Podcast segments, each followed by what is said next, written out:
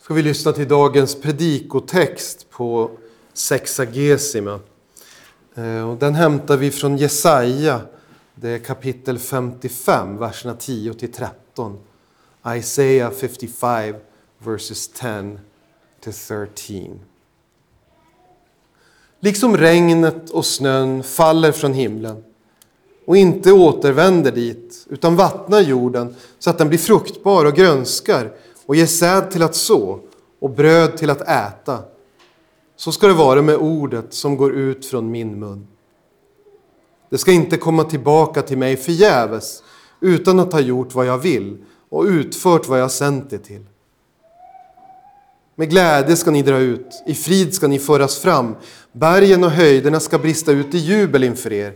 Markens alla träd ska klappa i händerna. Istället för törnsnår ska cypresser växa upp. Istället för nässlor ska myrten växa upp. Det ska bli till ära för Herren, ett evigt tecken som inte ska utplånas. Amen. Herre, helga oss i sanningen. Ditt ord är sanning. Amen.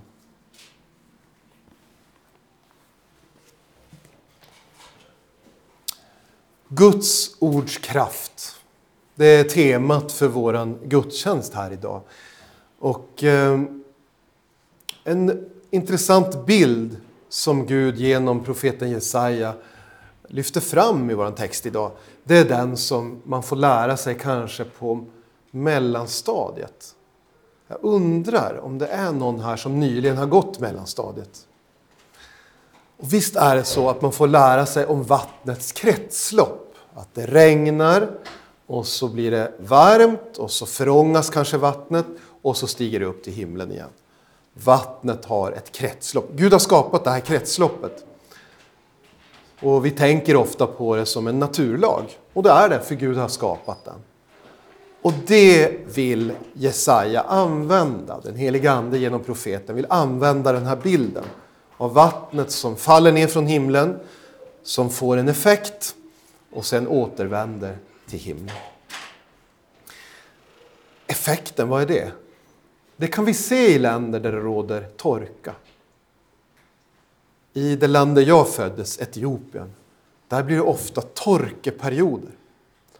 Det blir så torrt så att marken spricker. Och Etiopien som fortfarande i mångt och mycket är ett jordbruksland drabbas då av svält. Det blir matbrist. Och man får se ibland bilder just på hur marken har krackelerat för att den är så torr.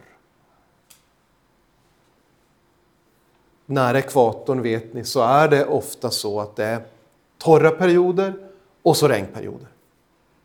Och att få vara med om det, säger de som har sett det, när det liksom slår om från torr period, när allting är helt uttorkat och dött och brunt och grått, till att regnperioden börjar och allt börjar blomstra. Det är nästan som ett under. Vi reste med bil för många år sedan i Etiopien från väldigt torrt landskap. Det här var på vintern, så att det var egentligen deras sommar. Så, där. så det var inte regnperiod. Men genom ett sånt här ökenlandskap egentligen. Med dramatiska berg och djupa dalar. Och så kom vi till en del av landet som är bördigt året runt. Och då gjorde det nästan ont i ögonen för det var så grönt. Så där fick man ändå uppleva den här kontrasten. Gud vill säga till oss idag. Lika viktigt som det fysiska vattnet är för att kunna skapa grönska och liv och bära frukt. Lika viktigt är Guds ord för oss människor för att skapa andligt liv och andliga frukter. Ordet är kraftfullt, står det i vårat, våran text idag. Och det är ju väldigt tydligt när vi läser Bibeln. Det allra tydligaste exemplet är kanske skapelsen. Hur gör Gud när han skapar? När människan ska skapa någonting, då använder vi beståndsdelar som redan finns. Någon av er kanske är duktig på att bygga. De minsta kanske bygger lego. Har du gjort det någon gång? Då har man ju byggstenarna klara, eller hur? Och fina olika färger som man kan använda. om man vill bygga en liten koja, då kanske man samlar ihop kuddar och filtar och sådär och försöker göra någonting fint. De som bygger hus behöver material. Under pandemin, pandemin blev det materialbrist. Då stannade byggandet av, bland annat där, därför. När Gud skapar universum, vi får höra om det i Första Mosebok, då använder han sitt ord. Han har inga byggstenar som han kan liksom pussla ihop. Utan han säger låt det bli ljust. Och så skapas ljuset. Och så vill han ha lite ordning på ljuset så skapar han solen och månen. Han kommer på att här behövs en skillnad mellan land och hav. Så han delar vattnet från land så att det blir beboeligt både för djuren som han sen skapar i havet och människorna och de djuren som lever på land. Han skapar med sitt ord. Guds ord är kraftfullt. Vi får också höra, det var ju vår episteltext idag, att Guds ord är vassare än ett tveeggat svärd. Nu använder man ju inte svärd nu för tiden. Men poängen med tveeggat svärd var liksom att det var skarpt på båda sidorna, det var vasst på båda sidorna. Det är så vasst att det delar kropp och själ. Vad menas med det? Bland annat menas det att Guds ord delar sanning från lögn. Det är så kraftfullt. Inför Guds ord så kan vi inte ljuga och vi kan inte dölja dem vi egentligen är. Det här låter lite negativt. Men uppfostran handlar bland annat om att dölja lite grann av dem vi är. Säg inte alltid vad du tänker, får man lära småbarn. Någon av er har varit med om det kanske i ett omklädningsrum. Kommentera inte allt du ser, säger man till fyraåringen. Folk blir sura då. Eller en tonåring som är så säker på att han eller hon har helt rätt och gärna vill trycka till alla som tycker annorlunda. Kanske man får säga, visa hänsyn för de som tycker annorlunda. Eller gamla människor som tycker att jag är så gammal nu så nu behöver jag inte ta hänsyn till någon. Jag säger alltid vad jag tycker. Så kanske man får säga, det där kan vara sårande. Alltså, här i livet så får vi öva på att inte alltid säga precis vad vi tänker och tycker. Inte avslöja precis vilka vi är. Därför att andra blir ledsna då, eller sårade. Eller vi kanske får problem. Men inför Gud kan vi inte dölja någon del av dem vi är. Inför Guds ord så avslöjas vi sådana som vi egentligen är. Gud ser våra innersta tankar. Och det skulle vara läskigt, hörni, om vi inte vet att han är nådig Gud som förlåter vår synd. Guds ord bär frukt, säger Jesaja. Och det gör det bland annat på så sätt att det gör döda människor levande. Likt skapelsen när det bara fanns ingenting och plötsligt fanns liv genom Guds ord så är det när Guds ord går ut i världen. När evangelium predikas, då kommer människor till tro. Bland annat genom dopet som vi har fått fira här idag. Fantastisk högtid. Gud skapar liv genom sitt ord. Men vi kan se det också utanför dopets under. I Bibeln så får vi se exempel på dramatiska omvändelser. En av de kändaste är väl kanske Paulus han som är på väg till Damaskus för att förfölja de kristna.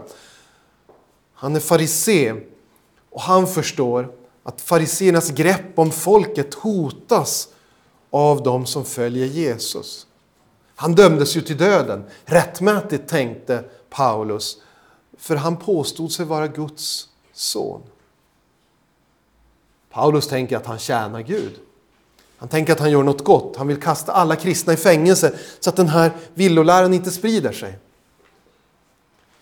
Och så på vägen där så visar sig den uppståndne Jesus för Paulus och säger Varför förföljer du mig?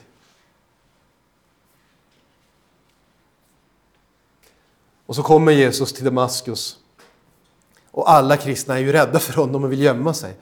Och så försöker han säga, nej, jag har blivit en kristen. Du behöver inte vara rädda för mig. Jag vill lära känna er. Jag vill tjäna Gud precis som ni. Kan de lita på honom? Ja, det tar en stund. Men till slut förstår de. Guds ord gör döda människor andligt levande. Eller tänk på pingsten, den första pingsten. När de här rädda lärjungarna trädde fram, de har fått den helige Ande, och trädde fram och predikar. De predikar lagen. Petrus säger, det är ni som har bidragit till att Jesus blev korsfäst helt oskyldigt. Det var ni som korsfäste honom, som stod där och ropade korsfäst, korsfäst. När Pilatus försökte komma undan och säga, eh, ska vi inte frige Jesus? Han verkar inte ha gjort något fel. Han är lite rädd där, Pontius Pilatus. Han känner på sig, det här är inget bra det jag är på väg att göra. Så ropar folket, korsfäst, korsfäst. Och Petrus påminner om det. Den som ni ville korsfästa, han är Messias. Han är ert enda hopp. Omvänd er och tro. Och så blir det ungefär 3000 nya lärjungar den dagen. Det är ganska dramatiskt. De har kommit till Jerusalem för att fira en judisk högtid. Och så åker de hem som kristna. Guds ord är kraftfullt.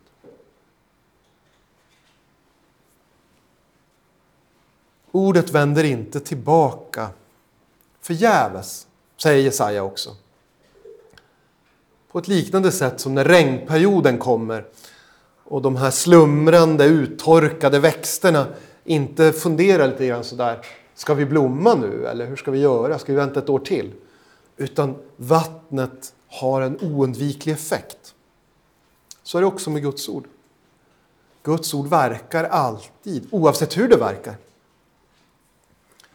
Vissa av Guds trogna tjänare eh, får egentligen mest smaka på motgångar och få se att Guds ord skapar ilska. Att lagen framkallar trots och ibland hat. Jeremia som kom med viktiga varningar till Guds folk, han blev kastad i fängelse av sina egna bröder och systrar. Stefanus som ville varna fariseerna för att de inte kunde stå emot de kristna, inte stå emot Jesu budskap. Han blev stenad till döds. Det är inte alltid som ordet verkar det vi skulle, kanske helst skulle vilja. Men ordet framkallar en effekt. Och ibland kanske vi inte får se den själva fullt ut. Tänk på Johannes döparen som hade en sån enorm framgång. Det beskrivs i Bibeln att, att hela Judeen kommer ut för att lyssna på honom.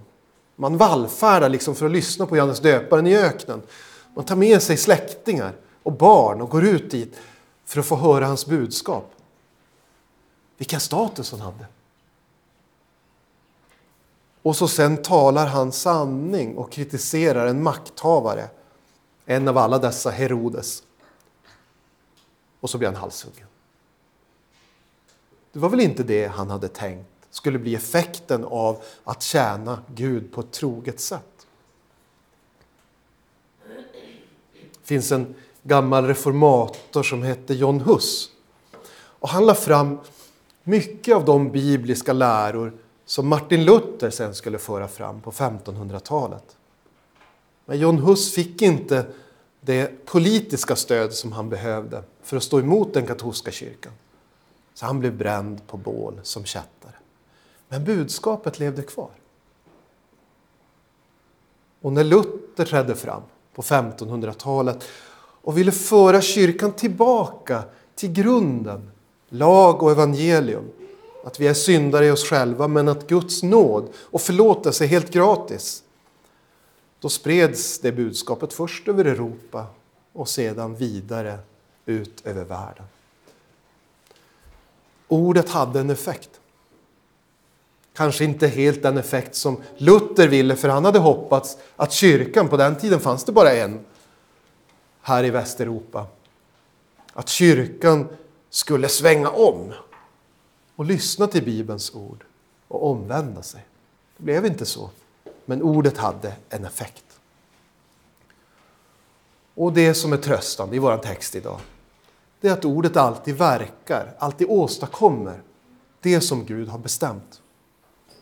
Och så är det till exempel i dopet. När vi döper en människa, då behöver vi inte fundera på om den här människan verkligen är redo. Om den här människan verkligen har det som krävs för att vara en Jesu lärjunge. Utan vi får lita på att ordet gör det det säger. Att ordet tvättar oss rena från all synd och skuld och gör oss till medlemmar i Guds kyrka. Ordet i nattvarden är verksamt. Vi behöver inte fundera på om prästen har gjort allt rätt i förberedelserna inför nattvarden. Eller om vår synd är för stor. Eller om vi har glömt att bekänna någon synd. Om det finns någon synd som vi, inte har tänkt på när vi har bett Gud om förlåtelse. Vi behöver inte fundera så mycket på vad vi själva gör, utan vi kan lita på att Guds ord är kraftfullt. Och när man förbereder en predikan, eller när man tänker att man vill berätta om evangelium för en kompis, eller för någon som man har fått kontakt med över nätet, då behöver man inte vara alltför nervös för att man ska säga fel. Eller inte komma på eh, det bästa sättet att förklara på. Utan man kan lita på att ordet i sig själv är kraftfullt och åstadkommer det Gud vill att det ska åstadkomma. Guds ord är så kraftfullt att det ska förvandla allt, säger Bibeln. Alla de saker vi ser med våra ögon och kan känna med våra händer, de är tillfälliga. De bryts ner och försvinner. Till och med jorden, till och med himlen ska försvinna, säger Guds ord. kommer inte att stå för evigt. Men nya himlar och en ny jord väntar vi på enligt Guds löfte. Så säger Petrus och också vi. Guds ord är så kraftfullt att en dag ska alla döda uppstå. Det är en tanke som vi har hört sägas och säkert tänkt också. Men när vi stannar upp inför den så svindlar tanken lite grann. Tänk att alla döda ska uppstå. Tänk vad trångt det blir. Guds ord ska ljuda och alla ska träda ut ur sina gravar. De som har spritts över vattnet eller i en vacker lund kommer också uppstå. En ny himmel och en ny jord ska skapas och där ska rättfärdighet råda. Så kraftfullt är Guds ord. I himmelen som väntar ska ordet regera. Guds ord ska regera på ett sådant sätt så att vi inte kommer att falla i synd. Att vi inte kommer att såra våra närmaste eller bråka med våra syskon eller hamna i konflikter på arbetsplatsen. Utan vi kommer att kunna leva i frid med varandra och med Gud. Så kraftfullt är Guds ord. Amen. Låt oss be.